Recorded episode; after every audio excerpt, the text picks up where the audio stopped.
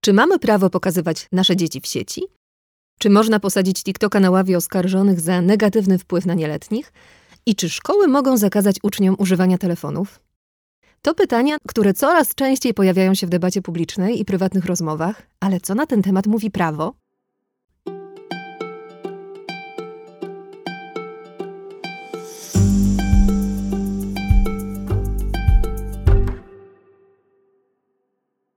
Cześć, nazywam się Magda Bigaj, a to jest kanał Instytutu Cyfrowego Obywatelstwa, prawdopodobnie najbardziej nieregularny podcast w internecie. W czasach nadmiaru i nadprodukcji treści, w których codziennie niemal wszyscy walczą o uwagę każdego, postanowiliśmy zajmować Wasz czas tylko wtedy, kiedy trzeba porozmawiać o czymś naprawdę ważnym i aktualnym. Takim palącym tematem, o którym w tym roku bez wątpienia usłyszymy jeszcze nie raz, są prawa dziecka w internecie. Temat, który już od dłuższego czasu kipi pod powierzchnią, ale w 2023 roku atmosfera się zagęszcza. W Stanach Zjednoczonych szkoły w Seattle wytaczają zbiorowy proces największym platformom społecznościowym, oskarżając je o rujnowanie zdrowia psychicznego uczniów. Francja wprowadza restrykcyjne wymagania dotyczące ochrony dzieci przed pornografią online. Norwegia zajmuje się projektem ustawy zakazującym wykorzystywania wizerunku dzieci w internecie w celach komercyjnych, a w Polsce Ministerstwo Edukacji i Nauki rozważa zakazanie uczniom używania telefonów w szkołach. A to wszystko wieści z pierwszego miesiąca tego roku. Do rozmowy na temat praw dziecka w internecie zaprosiłam Agatę Dawidowską, radczynię prawną i działaczkę społeczną. Agata od 12 lat prowadzi własną kancelarię prawną w Poznaniu, a jednocześnie od 2016 roku wraz z Fundacją Matecznik współtworzy projekt Mamy Głos, w ramach którego udziela porad prawnych dla rodziców w okresie okołoporodowym. Prowadzi warsztaty z zakresu prawa pracy dla rodziców i pomaga sporządzać skargi związane z brakiem poszanowania praw pacjentów oraz z przemocą położniczą. Czuję, że już ją lubicie. No i jest mamą trójki dzieci. Tym bardziej wielkie dzięki Agata za przyjęcie zaproszenia do rozmowy. Cześć, to ja bardzo dziękuję za zaproszenie mnie do tej rozmowy, gdyż temat jest e, bardzo, e, myślę, że bardzo istotny dla wszystkich rodziców e, i dla wszystkich związanych z nauczaniem, z edukacją i związanych z dziećmi generalnie. I wszyscy zastanawiamy się nad tym, jakie prawa w internecie i jakie prawa w sieci mają dzieci, czyli wszystkie osoby niepełnoletnie. I jako dorośli często czujemy się tacy bezradni wobec tego, bo nie za bardzo wiemy, co tam w tym internecie jest i jak działać i mam nadzieję, że ta rozmowa po, pomoże rozjaśnić kilka kwestii e, z mojego punktu widzenia prawnych, ale również też pewnie takich społecznych i ogólnoedukacyjnych.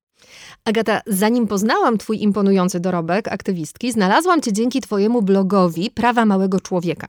Wsadziłaś wtedy kij w mrowisko, pisząc na Facebooku coś w stylu Hej, dorośli, nie możecie od tak zabierać dzieciom w szkole telefonów. To niezgodne z prawem. Przyznam Ci, że miałam ochotę usmażyć sobie popcorn, bo wiedziałam, że zrobi się niezła awanturka. No i nie pomyliłam się. Telefony dla szkół są dużym wyzwaniem. Wpływają na kondycję uczniów, ale także powiedzmy sobie szczerze, no utrudniają pracę nauczycielom. Sama prowadząc warsztaty z uczniami doświadczam tego problemu.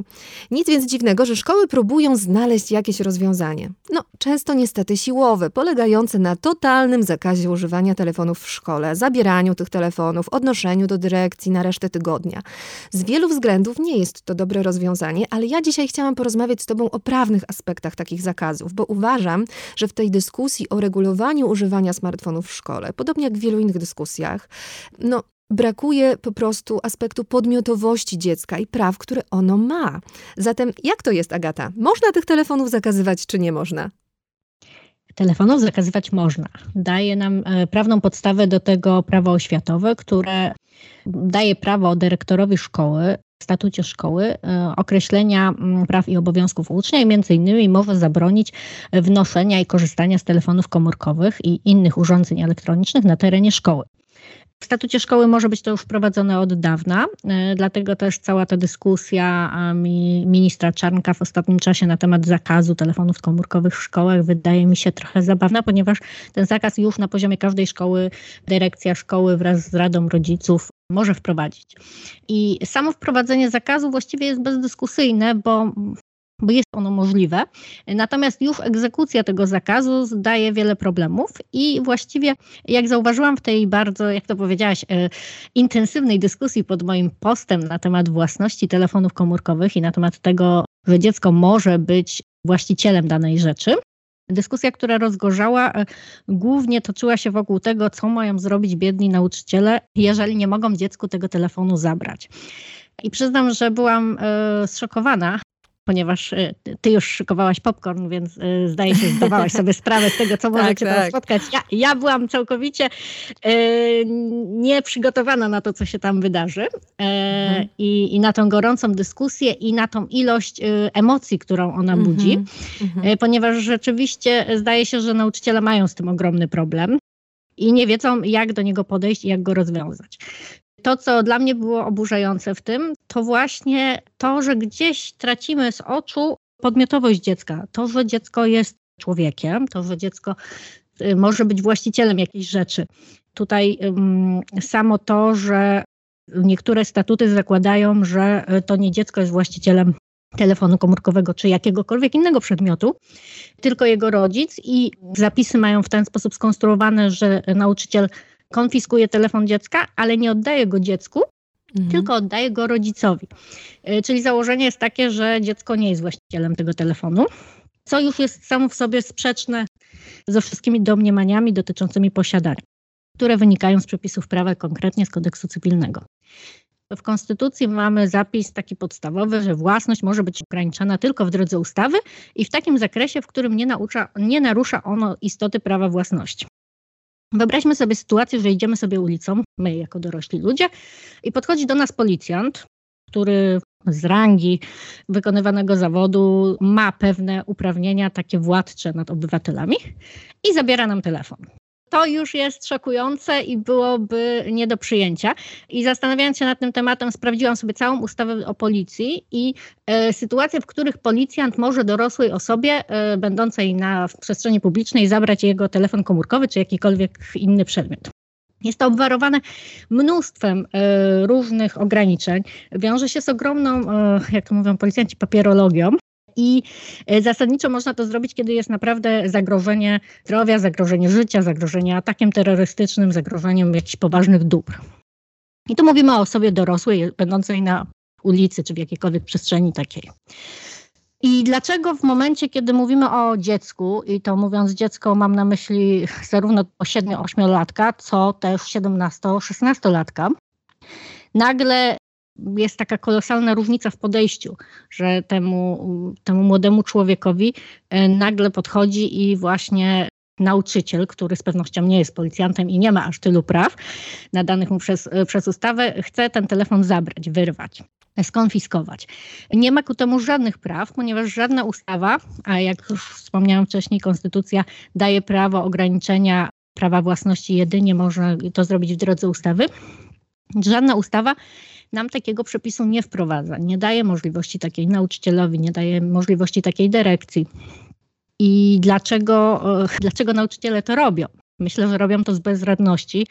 E, myślę, że robią to właśnie w takich sytuacjach, gdzie już totalnie nie wiedzą, co zrobić i, i jak się zachować. Myślę, że to jest problem nie tyle prawny, bo prawnie dla mnie to wszystko jest jasne. Szkoła może wprowadzić zakaz i szkoła ma możliwości, żeby na przykład ucznia, który tego zakazu nie respektuje, w odpowiedni sposób ukarać. Ale mówiąc ukarać, to mam na myśli obniżenie oceny z zachowania, ponieważ nie może być to wpływać na oceny takie edukacyjne, może wpłynąć na zawieszenie w prawach ucznia, może nawet doprowadzić w ostateczności do do usunięcia ze szkoły.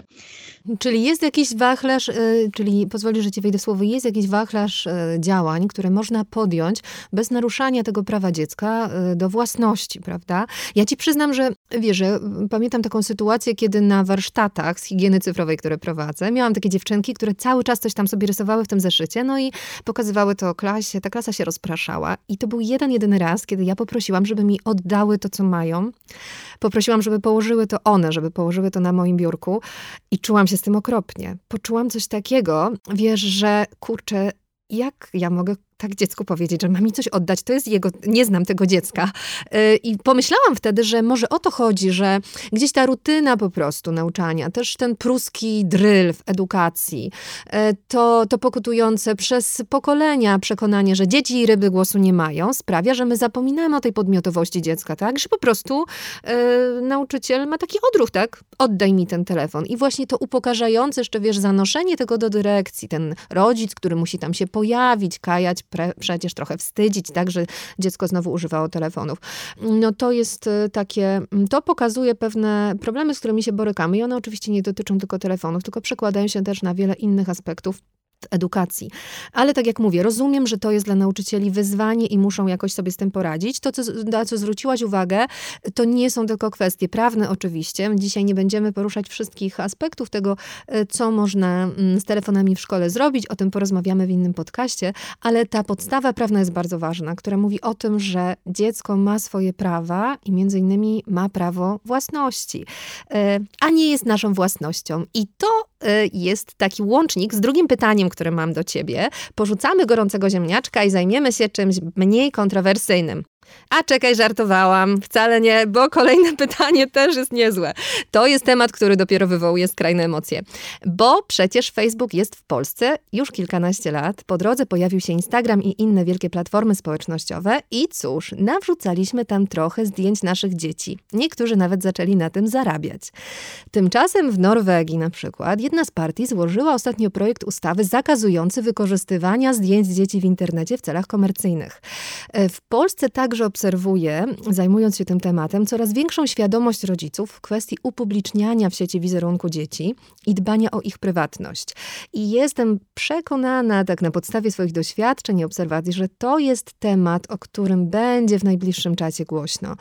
Wciąż jednak wielu rodziców jakąkolwiek rozmowę na ten temat, czy wolno dzieci pokazywać w internecie, czy nie, ucina, mam prawo dysponować wizerunkiem dziecka. Tak jakby to była jakaś nasza rzecz. Jak to jest z tym prawem, Agata? Oczywiście, tak, masz rację. Problem jest palący, jest taki, który gdzieś tam, tak, tak jak powiedziałaś, y, y, bulgocze pod powierzchnią i on już, ja administruję dużą grupą, taką brzydko mówiąc parentingową, od już dobrych pięciu lat i widzę, że ten temat nawraca. Widzę je też, jak rodzice zmieniają swój stosunek do publikacji zdjęć dzieci, nawet na zamkniętych grupach e, jak się nad tym zastanawiają. Jednym z podstawowych punktów naszego regulaminu w naszej grupie jest to, że nie można publikować zdjęć dzieci, które byłyby ośmieszające, czy w jakiś sposób je poniżające, e, żeby też nie publikować, e, nie wiem, zdjęć ran i takich rzeczy. I to było dla mnie istotne w momencie, kiedy zakładałam już tą grupę.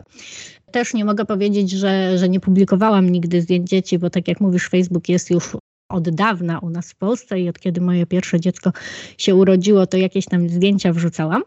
Z perspektywy, jak patrzę, nie są, nie było nigdy źle, nie? Ale jak ostatnio czytałam e, wywiad z Dorotą Masłowską, tak ładnie napisała, że na moje usprawiedliwienie mam tylko to, że tak. wtedy żyłam, żyłam po raz żyłam pierwszy. po raz pierwszy. Wiesz, ja to nazywam też e, takim cyfrowym sumieniem, które w nas dojrzewa po prostu, tak? Nowe technologie nas zaskoczyły. Wiesz, jak urodziłam pierwsze dziecko, urodziłyśmy razem tam 11 lat temu w tym samym czasie, też wrzuciłam zdjęcie Marysi i napisałam, że zostałam mamą. Potem skrupulatnie te zdjęcia wszystkie pousuwałam. E, no też w związku z zawodem, który wykonuję. Trochę nie wypada pulmonologowi palić papierosów.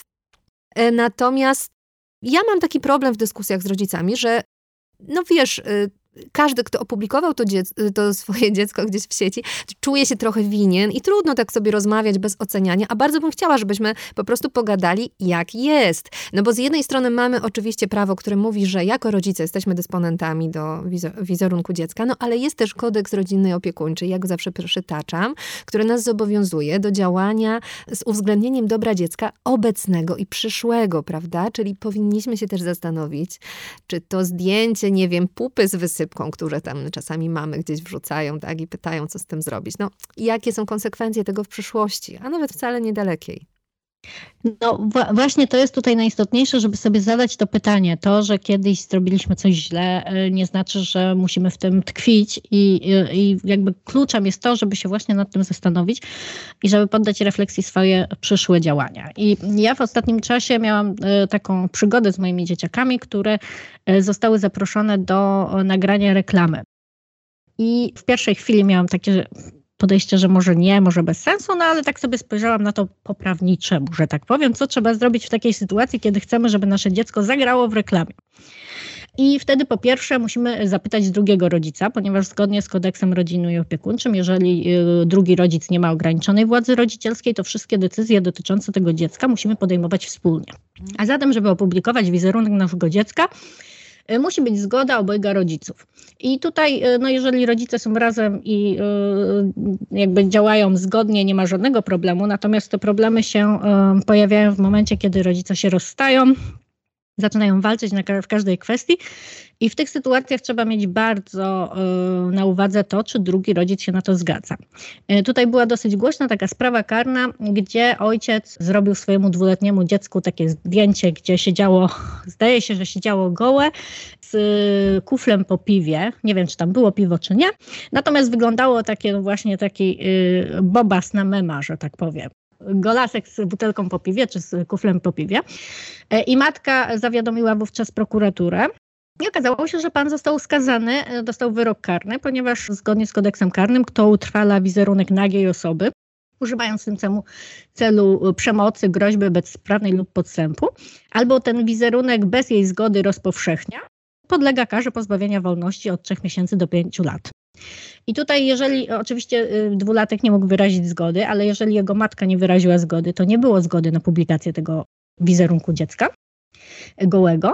I tutaj była sprawa karna, pan został, no dostał wyrok zawieszenia, natomiast był to jeden z takich precedensowych wyroków, którym gdzieś tam warto wspomnieć w tej sytuacji, szczególnie jeżeli rodzice się nie zgadzają w kwestii tego, czy, y, czy zdjęcie dziecka publikować, czy nie, a już szczególnie jeśli to są zdjęcia właśnie jakieś tam ośmieszające, nagie, takie, że tak powiem, zdjęcia kwalifikowane, bo co innego, jak jesteśmy na ładnym spacerze w lesie, robimy ładne zdjęcie dziecka stojącego pod drzewem, to jest zupełnie inny wymiar zdjęcia niż właśnie jak jest lekko ośmieszające zdjęcie nagiego z dziecka w wannie.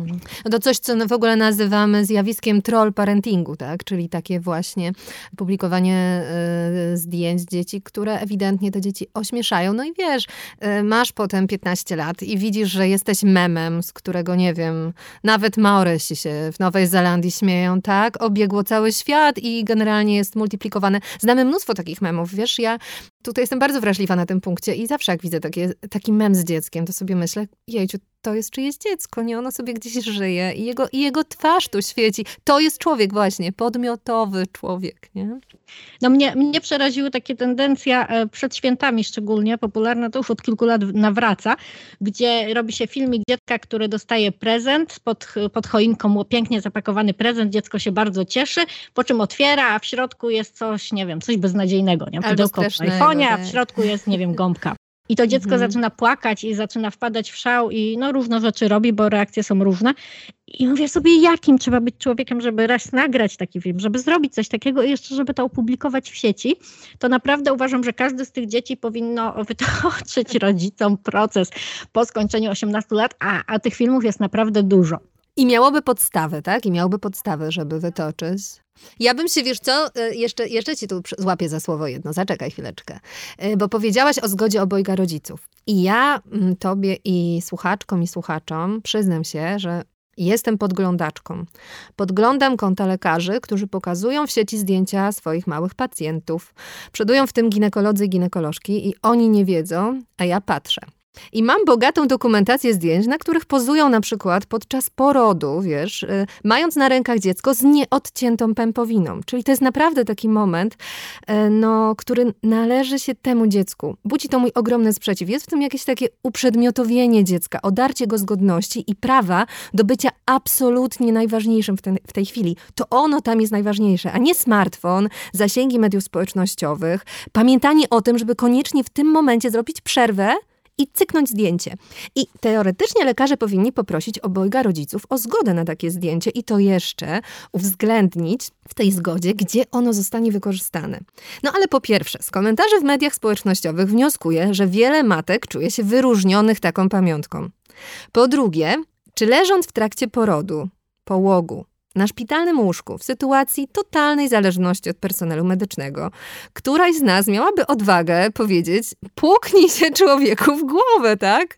Oddaj mi to dziecko na piersi i rób co do ciebie należy. No nie, Być może nawet nie rozumiemy, że tam ktoś mówi, to my tylko zrobimy sobie zdjęcie z maluszkiem. No więc jak to jest, Agata? Wiesz, bo to jest coś, kolejna rzecz, którą, o której milczymy, a wystarczy wejść na profile niektórych, tak jak mówię, ginekologów, ginekolożek, no i to jest po prostu zatrważające. Mam wrażenie, że my dzisiaj żyjemy tak, jakbyśmy wszyscy traktowali się za fotoreporterów z misją. I ktoś mówi, ale to jest pokazywanie światu, jak przychodzi człowiek na świat. Nie zgadzam się z tym. Niech światu pewne rzeczy pokazują profesjonaliści, którzy się tym zajmują, a nie każdy będzie teraz fotografował wszystko, żeby uświadamiać innych. Poza tym, no, te zdjęcia przede wszystkim służą budowaniu wizerunku lekarzy i lekarek, którzy zajmują się tymi małymi pacjentami. No. Jak to jest z punktu widzenia prawnego? To znaczy, na, na początek e, przytoczę taką sprawę, to było w, już dawno, dawno, było w 2005 roku, kiedy dwie pielęgniarki na oddziale neonatologicznym wyjęły sobie właśnie z inkubatorów wcześniaczki i robiły sobie z nim zdjęcia. To było, zdaje się, w Katowicach, jeśli dobrze pamiętam. I to były takie koszmarne zdjęcia, gdzie te wcześniaczki dołączone do aparatury wkładały sobie do kieszeni, tam przytulały się do nich, zrobiły sobie mnóstwo zdjęć. Wtedy jeszcze media społecznościowe nie były tak e, popularne, natomiast te zdjęcia wypłynęły gdzieś e, i e, miały one postępowanie karne obie. Postępowanie karne zresztą trwało bardzo długo. I wtedy to było takie szokujące.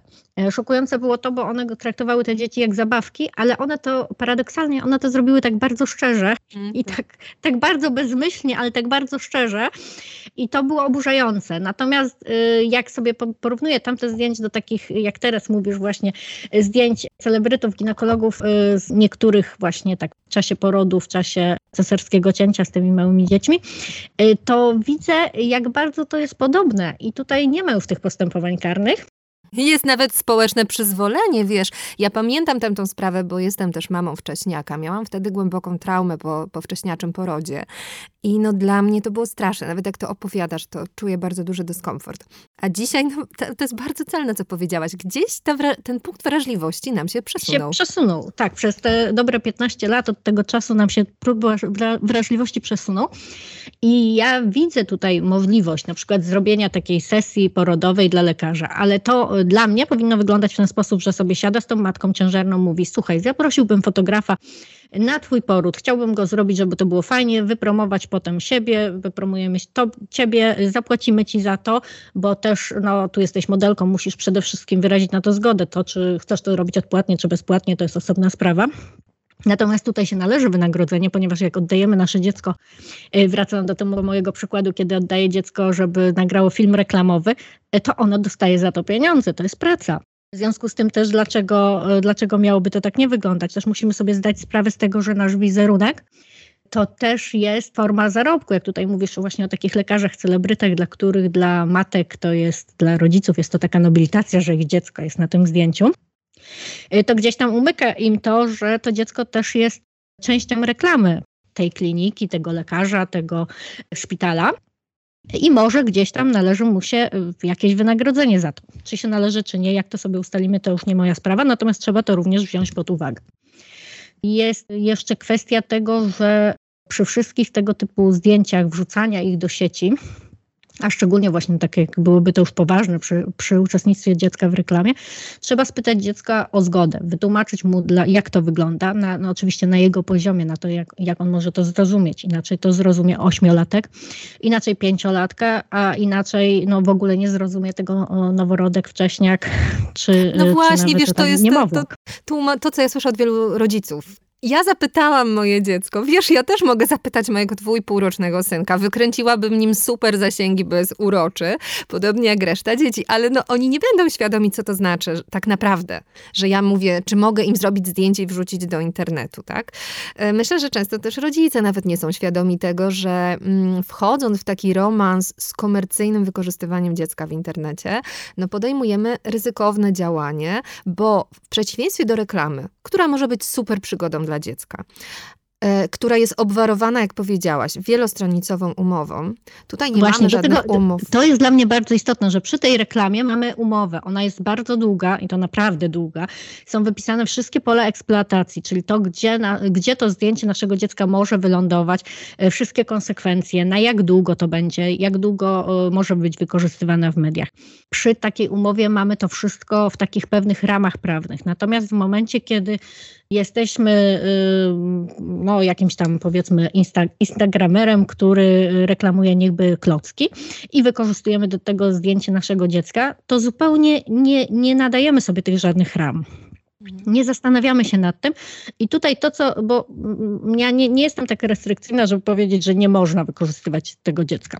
Można, dziecko może nam pomagać na przykład w prowadzeniu gospodarstwa domowego, w prowadzeniu naszej firmy. I może być także taką, taką pomocą w prowadzeniu mojej firmy, którą nazwijmy to, to bycie instagramerem, bycie jakimś tam mm, influencerem e, w mediach społecznościowych może być pracą i teraz nasze dziecko może, tak jak pomaga w gospodarstwie często, ma jakieś obowiązki, musi, dajmy na to, wydoić krowę, no to tutaj nie jest to dojenie krowy, tylko jest od czasu do czasu po, pomoc w zdjęciach czy zapozowanie do zdjęcia. Nie neguję tego, żeby to było zupełnie wyeliminowane do zera, natomiast trzeba to ustawić w jakichś ramach. Jak te zdjęcia mają być często, to, czy to ma być właśnie taki live, czy to mają być jakiego rodzaju zdjęcia, jak długo one mają tam być, czy zgadza się rodzic tego dziecka, na ile te, te zdjęcia też jak sobie wyobrazić w perspektywie czasowej, że nasze dziecko na przykład będzie chciało e, kandydować na prezydenta kiedyś, czy nasze dziecko będzie chciało być profesorem i nagle czy nauczycielem w podstawówce na przykład i teraz jego uczniowie w tej podstawówce dotrą do tych zdjęć i je wydrukują. I, i, i tak jak jeszcze jak będzie prezydentem, to będzie miało cały sztab ludzi, którzy się tym zajmą. E, tak jak będzie nauczycielem w podstawówce, to już nie za bardzo, a, a, wiemy o tym, że też dzieci potrafią wykorzystać takie rzeczy. W związku z tym gdzieś tam spojrzeć w przyszłość naszego dziecka i jak to zdjęcie, które gdzieś tutaj publikujemy i publikujemy je całemu światu, e, bo, bo tutaj mówimy też o takiej publikacji, gdzie nie jest ona ograniczona tylko do naszych najbliższych przyjaciół. Wiadomo, że w internecie nic nie ginie, ale trochę inaczej, jak sobie na naszym prywatnym koncie facebookowym, gdzie mamy jakieś ustawienia prywatności, wrzucamy jakieś zdjęcie, a trochę inaczej jak na naszym profilu Instagramowym, który jest dostępny dla czasem nawet kilkuset tysięcy osób y, obserwujących i potencjalnie może je zobaczyć każdy. Więc gdzieś tam y, no, tą świadomość trzeba sobie Czyli możemy podjąć jakieś takie działania zabezpieczające, prawda? Jak to, czym podsumowując to, co wspomniałaś, jakąś ograniczoną widoczność tego zdjęcia, tak? Panowanie nad tym, kto te nasze zdjęcia, y, kto do zdjęć naszych dzieci ma dostęp. Cóż, no, ja staram się nie straszyć rodziców, a z drugiej strony Uważam, że nie możemy zamykać oczu na pewne zjawiska. No takie zjawisko jak na przykład baby role playing, czyli y, kradzież tożsamości dziecka przez środowiska pedofilskie, które po prostu pobierają sobie zdjęcia e, regularnie e, z profilu takiej mamy czy takiego taty, którzy się tymi zdjęciami dzielą i, i tworzą temu dziecku osobny profil, e, nadają mu inne imię i nazwisko i wrzucają te zdjęcia prowadząc tam no, dialogi, jakie, jakich lepiej sobie nie wyobrażać. Swego czasu, kilka lat temu, rząd e, australijski zlecił, e, wspólnie z policją zrobili takie badanie i okazało się, że 50%, coś koło połowy zdjęć w kolekcjach pedofilskich to były zdjęcia, które rodzice dobrowolnie umieścili w internecie, tak?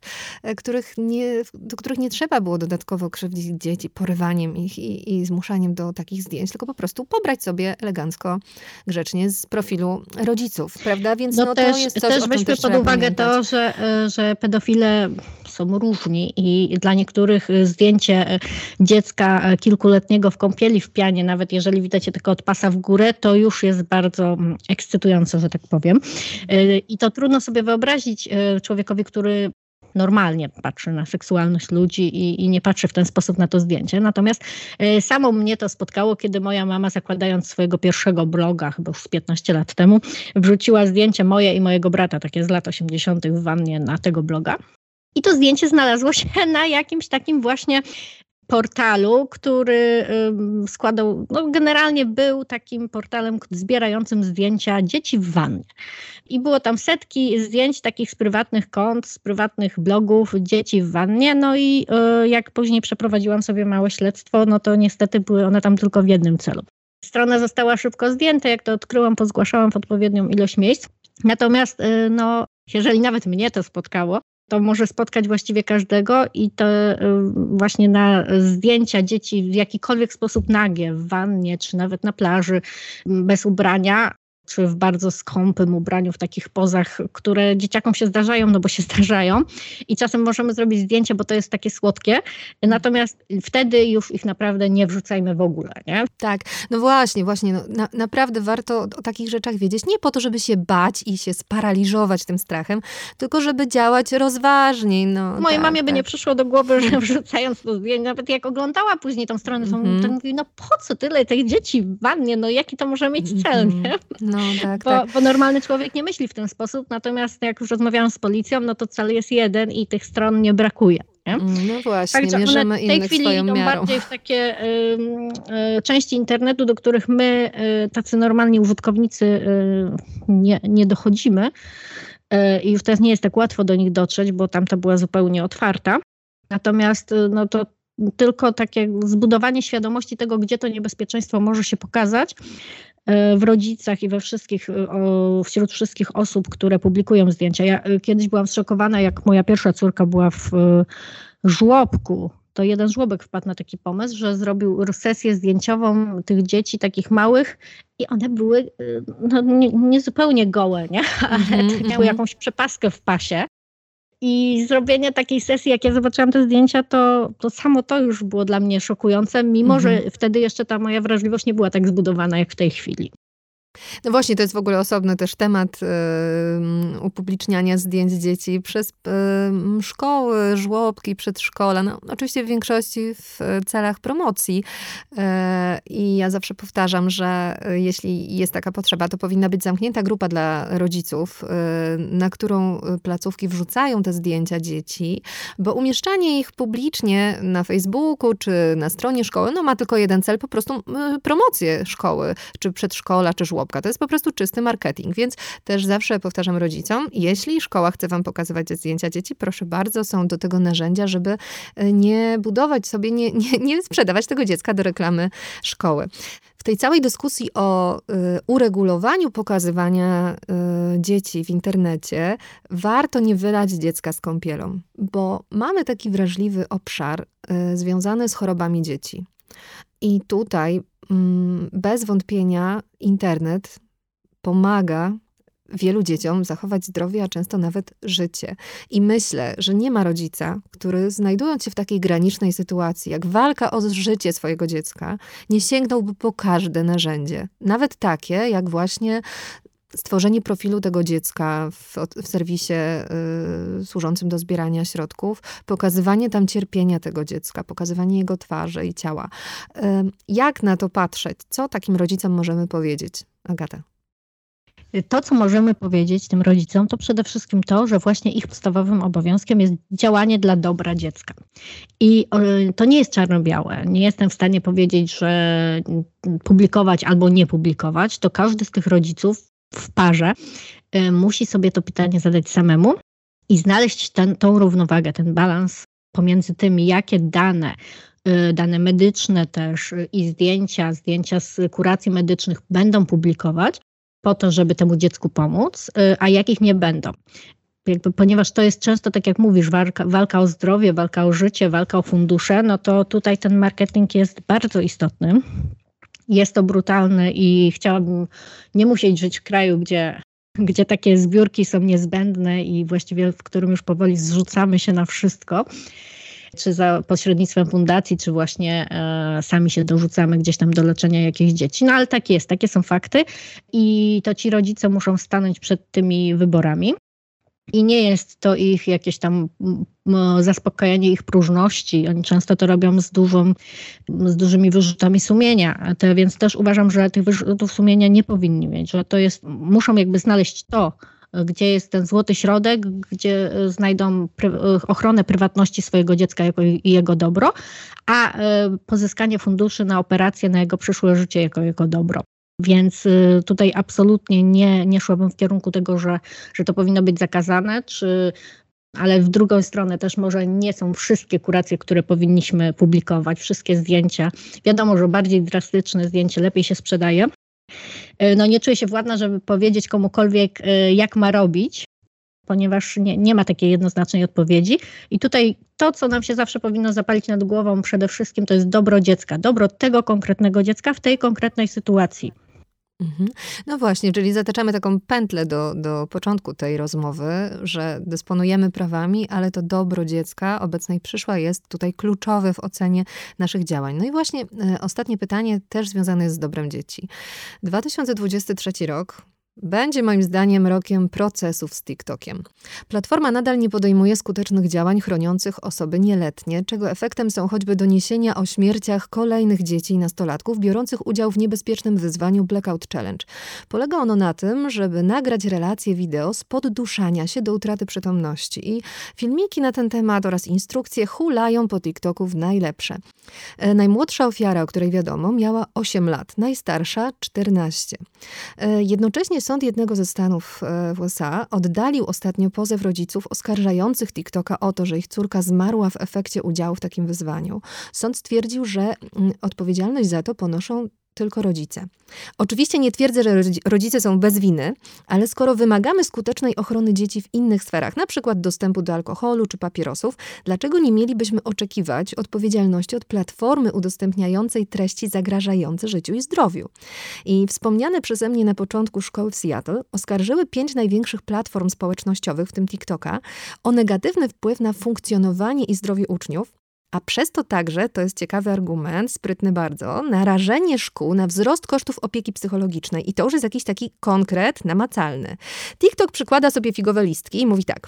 Ależ my tak dużo robimy profilaktycznie, wszak wspieramy rozmaite kampanie społeczne.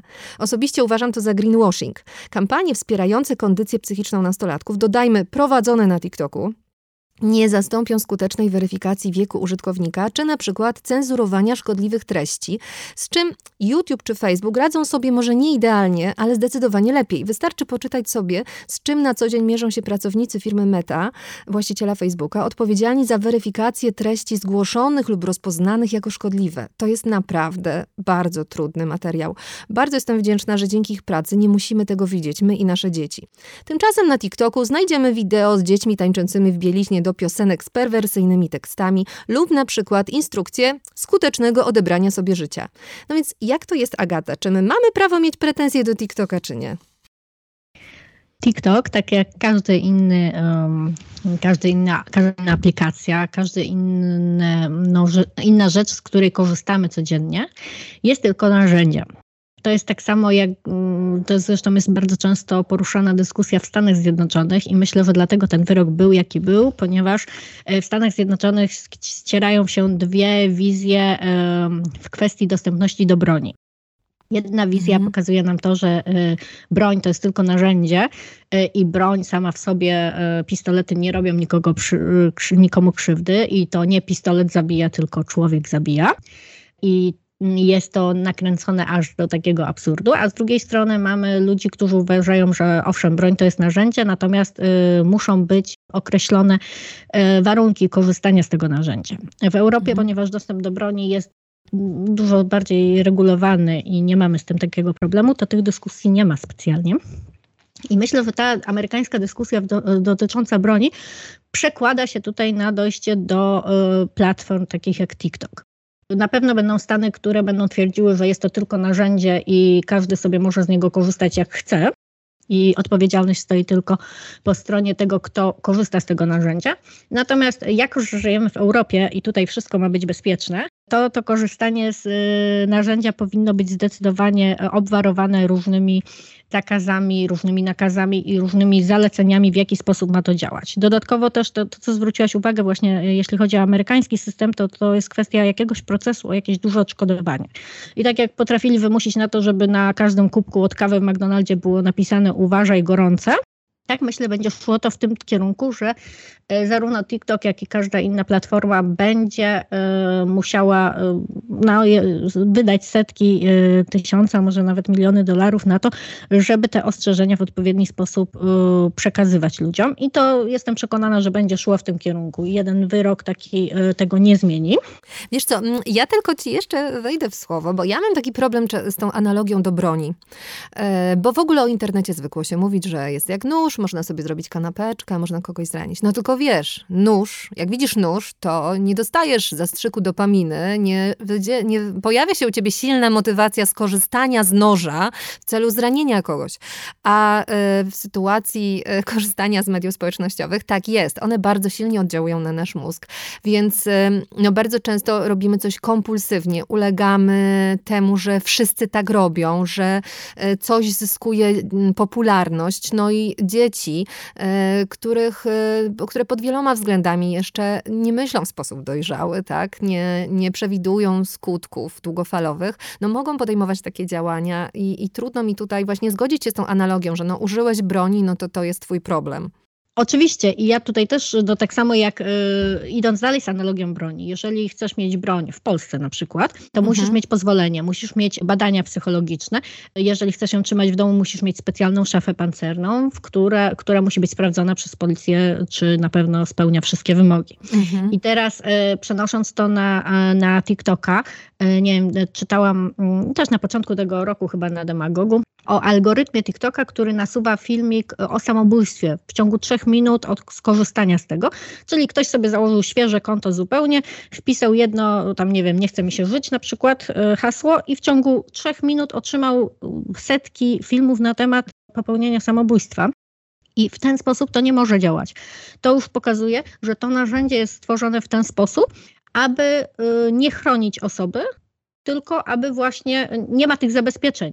Taka broń na przykład ma w kilku miejscach zabezpieczenia, trzeba wsadzić to, trzeba wsadzić nabój, trzeba odbezpieczyć, trzeba umieć się nią posługiwać. A taki TikTok najwyraźniej tych zabezpieczeń nie ma. I tak jak mówiłaś, że już na Facebooku, na Google, y, kiedy wpisuję nie chcę mi się żyć, y, to wyskakuje mi najpierw informacja o telefonie zaufania, o innych takich podobnych kwestiach. Y, instruktaż, co możesz zrobić, z kim możesz się skontaktować tej pomocy, żeby iść po pomoc. Nie może być tak, że w momencie, kiedy wrzucam informację, nie chce mi się żyć, dostaję trzy instruktorze, jak się zabić w ciągu pięciu minut, nie? Mhm. I tutaj no. ta odpowiedzialność zdecydowanie na pewno y, będzie TikTok tym obciążany, ponieważ no już to widać na Facebooku, na Instagramie, jak to działa i jak to może działać. I to nie jest taka wolna Amerykanka, że tam y, jakiś dziki, dziki zachód, na, którego nie, na które nie mamy w ogóle wpływu, ponieważ E, cały ten internet e, funkcjonuje w jakichś porządkach prawnych. On nie jest oddzielony zupełnie od. No właśnie, to nie jest świat wirtualny, prawda? Który jest jakiś taki nie do końca prawdziwy i potrzebuje osobnych regulacji. Oczywiście doprecyzowania tych regulacji tak, ale, ale nie, jest tak, nie jest to dziki zachód. Chociaż wiesz, chcę ci powiedzieć, że może nie jest to dziki zachód, ale obawiam się, że trochę jest to dziki wschód, prawda? Bo trzeba pamiętać, że e, TikTok to jest chińska platforma i e, Chińczycy tutaj tutaj e, trzymają się mocno, parafrazując, e, właśnie w taki typowy dla siebie sposób, czyli e, wydają się takim niewinnym produktem. Właściwie to nawet prezydent ma konto na TikToku, no już nawet babcie sobie przesyłają jakieś tam śmieszne TikToki, tak? I przestaliśmy tutaj być po prostu czujni, moim zdaniem. No, tak jak wspomnieliśmy, to jest narzędzie i jeżeli ono jest tworzone przez osoby nieodpowiedzialne, czy też takie osoby, które nie mają na względzie przede wszystkim dobra użytkowników i nie mają nad sobą całego, no jeżeli to jest jakby aplikacja chińska tworzona w Chinach, podlegająca pod chińskie prawo, no to mamy na to niewielkie, mhm. niewielkie możliwości wpływu. Możemy po prostu z niej nie korzystać, ale jest ona już tak rozpropagowana, jest jakby elementem życia, szczególnie wśród y, najmłodszych, czy tam nastolatków i, dwudziestolatków, to jest to całkowicie powszechne używanie TikToka.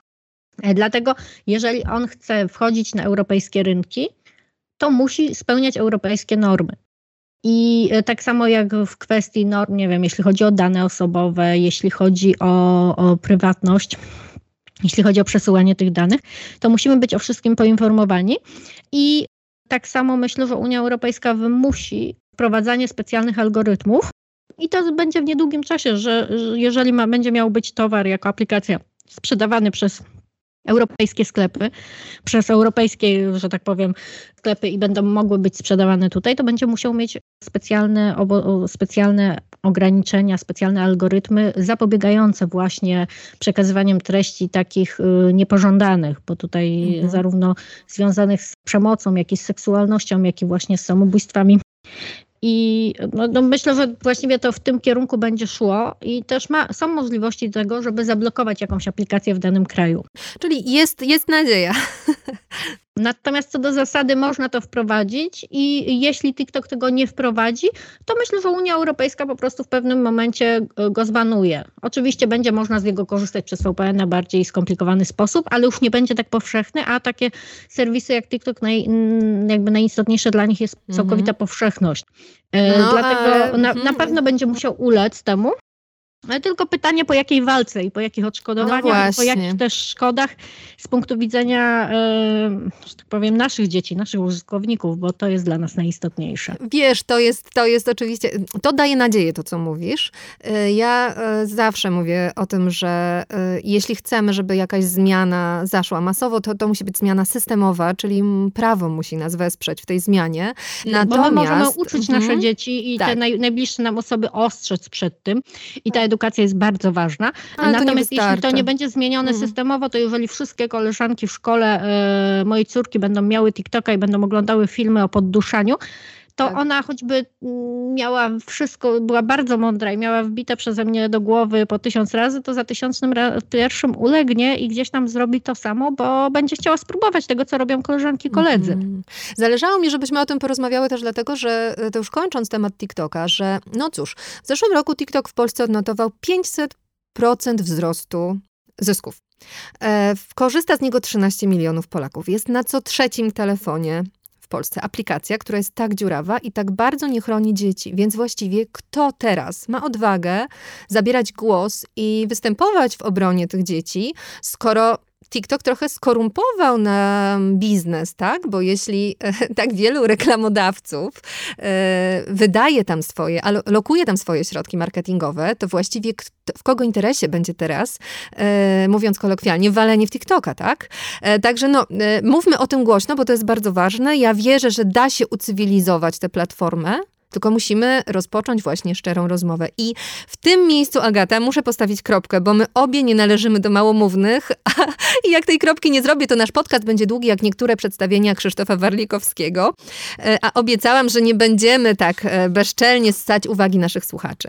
Agata, bardzo, bardzo Ci dziękuję za rozmowę i czuję, że będziemy się musiały jeszcze spotkać.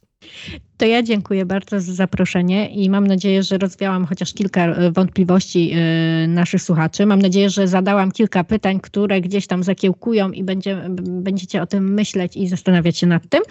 No i mam nadzieję, że spotkamy się jeszcze, e, bo jest kilka jeszcze tematów związanych właśnie z prawem, e, z internetem i, e, i z różnymi problemami, które dotykają użytkowników internetu oraz rodziców użytkowników internetu, więc mam nadzieję, że, że wrócimy jeszcze do tych rozmów. Bardzo Ci dziękuję.